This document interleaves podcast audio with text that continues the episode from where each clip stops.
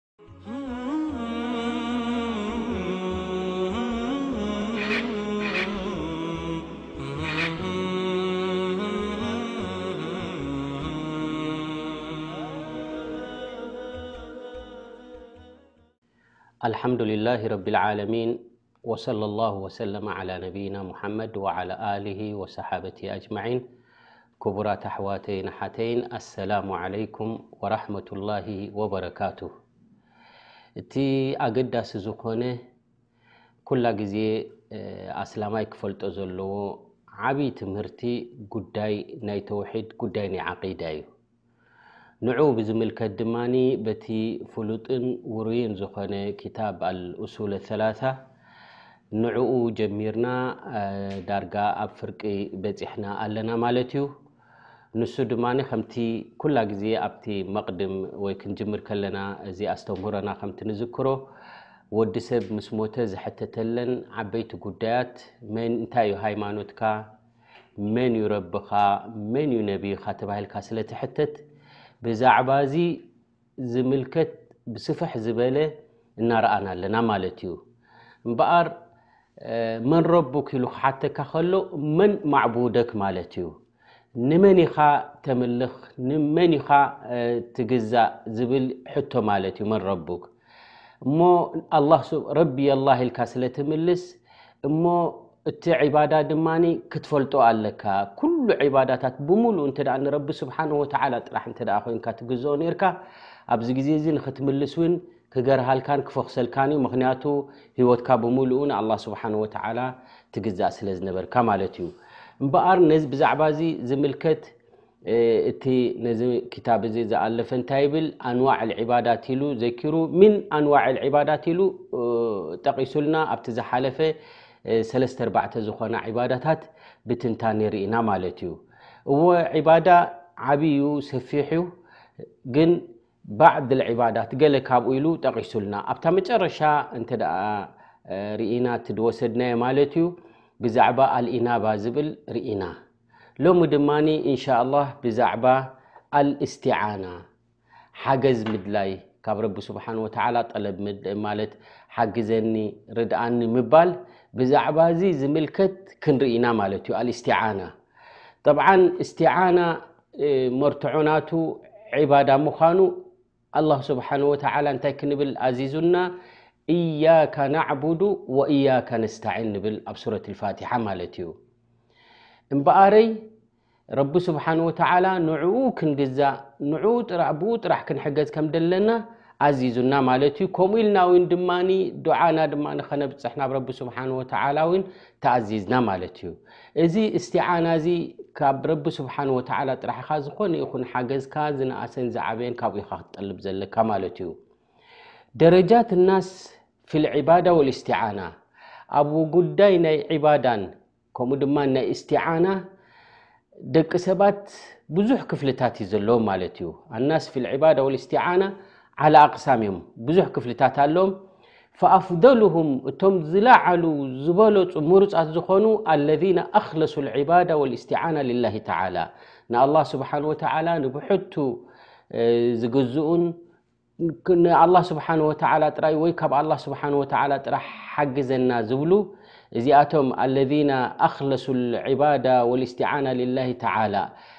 እንታይ ሓቂቆም ኣለው እንታይ ልክዕ በፂሖም ኣለው እንተ ኢልና እቲ ረቢ ስብሓን ወተላ ዝኣዘዞ እያካ ናዕቡዱ ወእያካ ነስተዒን ዝብል ኣብ በፂሖም ማለት እዮም ወሃኡላ ብኣፍደል ልመናዝል እዚኣቶም ኣብቲ ዝለዓለ ኣብቲ ረቢ ስብሓን ወተላ ዝፈትዎ ኣብ ዝበፅሑ እዮም ማለት እዮም ፈእነሁም እስተዓኑ ብላሂ ተላ ዓላ ዕባደት ላህ ብረቢ ስብሓን ወተዓላ ተሓጊዞም ኣብ ዒባዳ ናይ ረቢ በፂሖም ማለት እዮም ምክንያቱ ንዒባዳ ንክሰርሑ እውን ብጀካ ረቢ ስብሓን ወተዓላ ካሊእ ድሕግዘካ ስለ ዘየሎ ካብ ረቢ ስብሓን ወተዓላ ሓግዘና ኢሎም ኣብቲ ዝግባእ ዒባዳ ድማ በፂሖም ማለት እዮም ኩላ ግዜ ዒባዳ ንክትግዛእ ውን ንረቢ ስብሓን ወተዓላ ንኣላ ስብሓን ወተዓላ ክትልምኖ ኣለካ ማለት እዩ ወልሊክ ነቢይና ሙሓመድ ዓለይ ሰላት ወሰላም ከምቲ ንሙዓዝ እብኒ ጀበል ዳሓበርዎ እንታይ ክብል ኣዚዞሞ እነቢ ዓለይሂ ሰላቱ ወሰላም እዚ ኣብ ሪዋየት ኣቢ ዳውድ ወሳሓሑ ኣልኣልባኒ ኣብ ሰሒሕ ኣቢ ዳውድ ዝርከብ ማለት እዩ እንታይ ኢሎም እነቢ ዓለይሂ ሰላቱ ወሰላም ንሙዓዝ ኢሎሞ ድሕሪ ነፍሲ ወከፍ ናይ ሰላስኒ እዚ ዓይነት እዚ ዱዓ ኣዘውትሪኻ ኣብዚሒኻ ኢሎሞ እንታይ ዝብል ኣላሁማ ኣዒኒ ዓላ ዚክሪካ ወሹክሪካ ወሑስኒ ዕባደቲክ እምበኣረይ ዒባዳ ንክትገብር ምስጋና ናይ ረቢ ከተብፅሕ ትግቡእ ዒባዳ ንክትግዝኦ እንተ ኮንካ ረቢ ስብሓን ወተዓላ ንሱ እዩ ክሕግዘካ ደለዎ ሞኒ ያ ረብ ሓግዘኒ ርድኣኒ ኢልካ ንረቢ ስብሓን ወተዓላ ድሕሪ ነፍሰ ወከፍ ሰላት ተሓቶ ማለት እዩ እዘን ሓደ ሰብ ስኒ እስትዓና ካብ ረቢ ስብሓን ወተዓላ ጥራሕ እዩ ዝጥለብ ኢልና ኣለና ከይፋ የተሓቅቕ ተሕቂቅ ኣልእስትዓና የኩኑ ብኣምረይን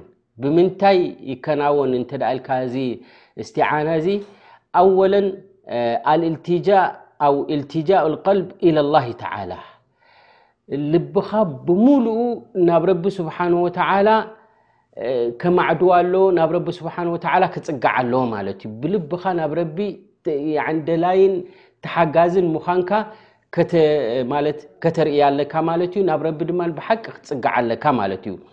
ወልኢማን ብኣነ ነፍዓ ወዱር ብየድሂ ጀላ ዋዓላ ክጠቅምን ክጎድእን ዝኽእል ብጀካ ረቢ ስብሓን ወተዓላ ካሊእ ስለዘየሎ እምበኣርይ ተልተጅኡ ኢለይሂ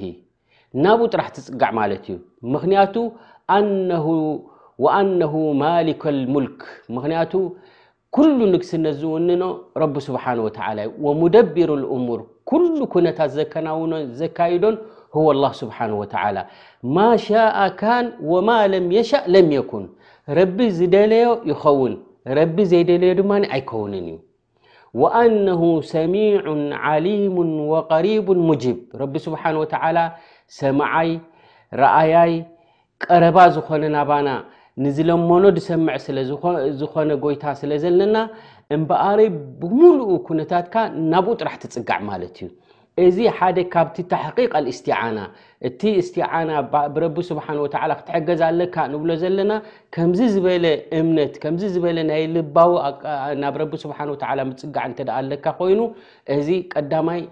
ኣማሊእካ ኣለኻ ማለት እዩ ፈየስተዒኑ ብሂ ራጅየን ኢዓነትሁ ንረቢ ስብሓን ወተዓላ ንስኻ እኻ ክትሕግዝ ንስኻ እኻ ኩሉ ነገር ተብፅሕ እሞ ናባኻ የደ ሕገዝ ኢልካ ናብኡ ናብ ረቢ ስብሓን ወተዓላ ምፅጋዕ ማለት እዩ ወልኣኸር በዝሉ ኣስባብ ኣለቲ ሃደ ላሁ ኢለይሃ ወበየነሃ እቲ ረቢ ስብሓን ወተዓላ ሰበብ ጌርካ በቲ ሰበብ እቲ ክርከብ ዝኽእል ኩነታት ረቢ ስብሓን ወተዓላ ሸሪዕዎ ዘሎ ድማ ብኡ ድማ ሰበብ ተካይድ ማለት እዩ ፈየብذሉ ፊ ኩል መጥሉብ ማኣድነ ላሁ ተላ ብሂ ምና ኣስባብ እቲ ፍቁድ ዝኾነ ሸርዓዊ ዝኾነ ሰበብ ድማ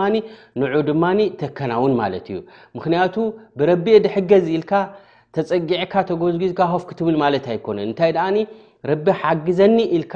ናብ ረቢ ስብሓን ወተላ ተወጅህካ ኩሉ ኣስባብ ድማ ትገብር ማለት እዩ ወ ነቢ ለ ላ ወሰላም ኣርሸዳ ኢላ ሃ ኣምር ማለት ወዲ ሰብ ክፅዕር ከም ዘለዎ እቲ ኣስባብ ክፍፅም ከም ዘለዎ ካብ ረቢ ስብሓን ወተዓላ ድማ ሓገዝ ክጠልብ ከም ዘለዎ ኣነቢ ዓለ ሰላት ወሰላም ኣብ ርዋየት ሙስሊም ኣብ ምን ሓዲት ኣብ ሁረይራ ኣብሪሆምልና ማለት እዮም እንታይ ይብል እቲ ሓዲት እሕርስ ዓላ ማ የንፋዑክ እሕርስ ዓላ ማ የንፋዑክ ናብ ዝጠቕመካ ነገር እንታይ ኩን ኢኻ ኩላ ግዜ ተጓየ ኢኻ ሓሪስ ኩን ወስተዒን ብላህ ወላ ታዕጀዝ ብረቢ ድማ ተሓገዝ ኢኻ ከምኡ ድማ ኣይትስነፍ ኢኻ ኣይትተሃከ ኢኻ ኢሎም እዘን እምበኣር እንታይ ክኸውን ኣለዎ ማለት እዩ በዝሉ ልኣስባብ እቲ ድከኣለካ ትፍፅም እቲ ዝከኣለካ እናፈፀምካ በዚ ዝፈፀምካዮ ዘይኮነ እዚ ጉዳይ እዚ ዝፍፀም ድማ ኩሉ ሙሰቢበል ኣስባብ ረቢ ስብሓን ወተዓላ ስለ ዝኾነ ናብኡ ጥራሕ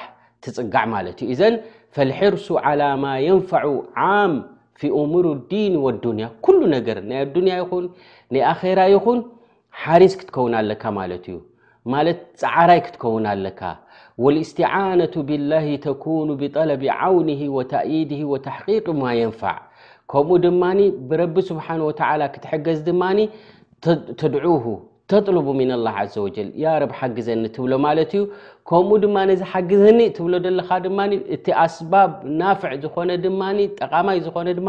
ትፍፅም ማለት እዩ ወልዓጅዙ ሁወ ተርኩ በድሊ ሰበብ መዓ እምካኒ ፈኑህያ ዓንሁ ሓደ ሰብ ህኩይ ዝበሃል ወይ ድማ ናይ ብሓቂ እዚሲ እስቲ እስቲዓና ኣይፈለጦን ኣሎ ዝበሃል መዓስ እዩ እንተ ኢልካ ክትሰርሖ ትኽእል ንኹሉ ገዲፍካ እንተ ናብ ሓደ ነገር ትዘዝው እንተ ኮይንካ እስኻ ኣብ ስንፍናን ኣብ ትህኪትን ኢኻ ዘለኻ ኩሉ እቲ ዝግባእ ፈፅም ኢኻ ኩሉ እቲ ዝግባእ ፀዓር ኢኻ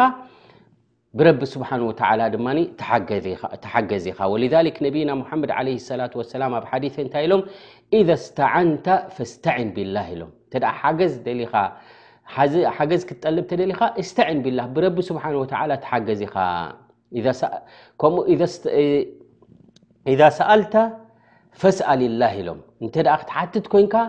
ንረቢ ስብሓን ወተላ ጥራሕ ሓተት ሓታታይ እንዲኻ ትልምን ደሊኻ ኣለኻ ኩሉ ንረቢ ስብሓን ወተላ ለምኖ ኢኻ ኩሉ ናይ ኣዱንያ ይኹን ንኣኼራ ይኹን እቲ ኣስባብ ድማ ንፈፅም ኢኻ ወኢዘ ስተዕንተ ፈስተዕን ቢላ ሓገዝ ተደሊኻ ድማ ብረቢ ስብሓን ወተላ ተሓገዝ ኢኻ ኢዘን እምበኣረይ እዚ እስትዓና እዚ ኣገዳሲ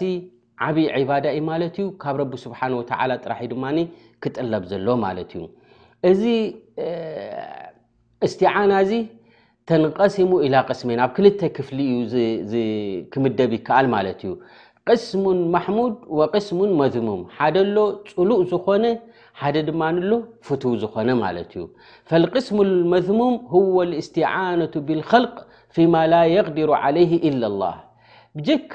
ረቢ ስብሓን ወተዓላ ዝኽእሎን ዝውንኖን ዝኾነ እናፈለጥካ ንከለኻ ናብ ካልኦት ድኹማት ፍጡራት ናብኣቶም ክትፅጋዕን ብኣቶም ክትሕገዝን ከለኻ እዚ እቲ ፅሉእ ዝኾነ እዚ እቲ መዝሙም ማለት እዩ ከእጃበት ድዓ ለሚንካ ድዓኻ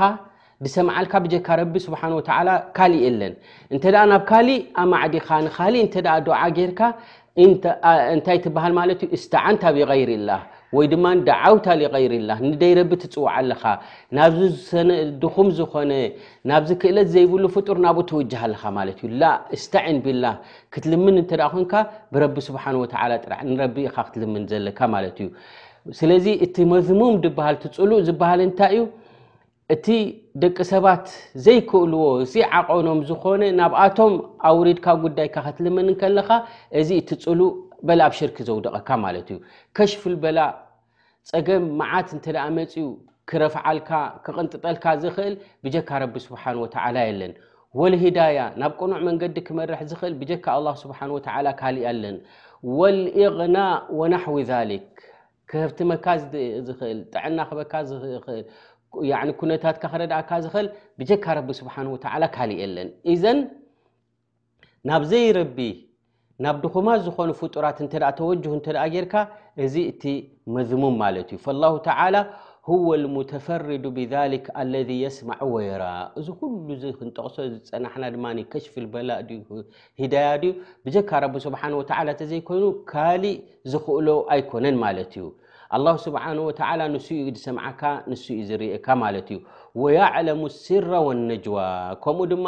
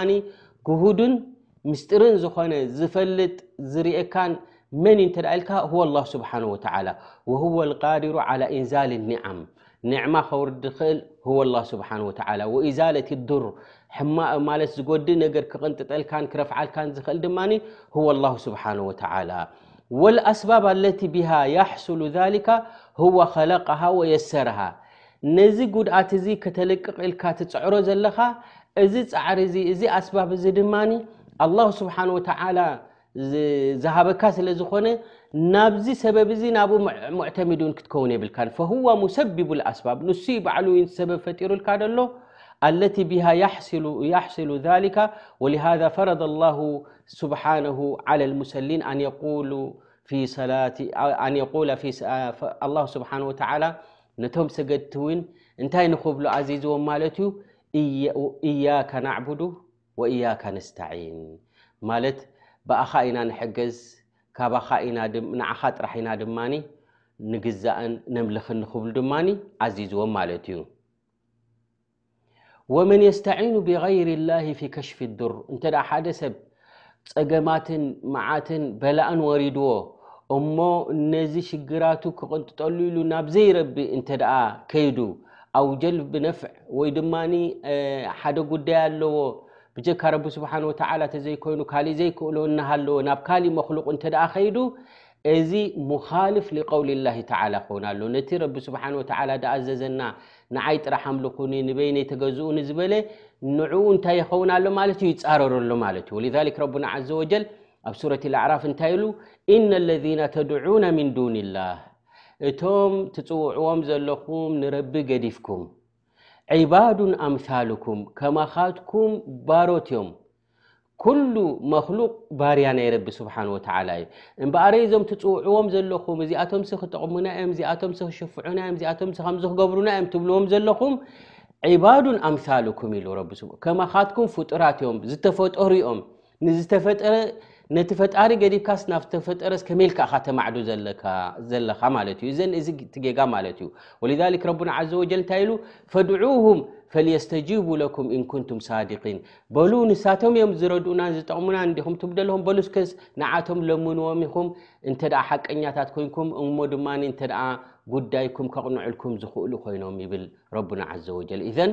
ኢነ ለذነ ተድዑነ ምን ዱን ላሂ ዕባዱ ኣምሳሉኩም ኣብ ከማኻ ባሮት ኣብኣቶም ክትፅጋዕ የብልካን ሓገዝ እንተ ደሊኻ ካብ ረቢ ስብሓን ወተላ ኢኻ ትሕገዝ እንተ ንደይ ረቢ ዝፅውዕ ኮይኑ እሞ ክእለት ዘይብሎም ኮይኖም ናብኣቶም እተ ዝምርኮስ እንተ ኮይኑ እዚ እውን ኣብ ሽርክን ኣብ ክሕደትን ከውድቕ ስለ ዝኽእል ኩሉ ሓገዛትና ካብ ረቢ ስብሓን ወተላ ጥራሕ ክኸውን ኣለዎ ወኣስኣሉ ላ ተላ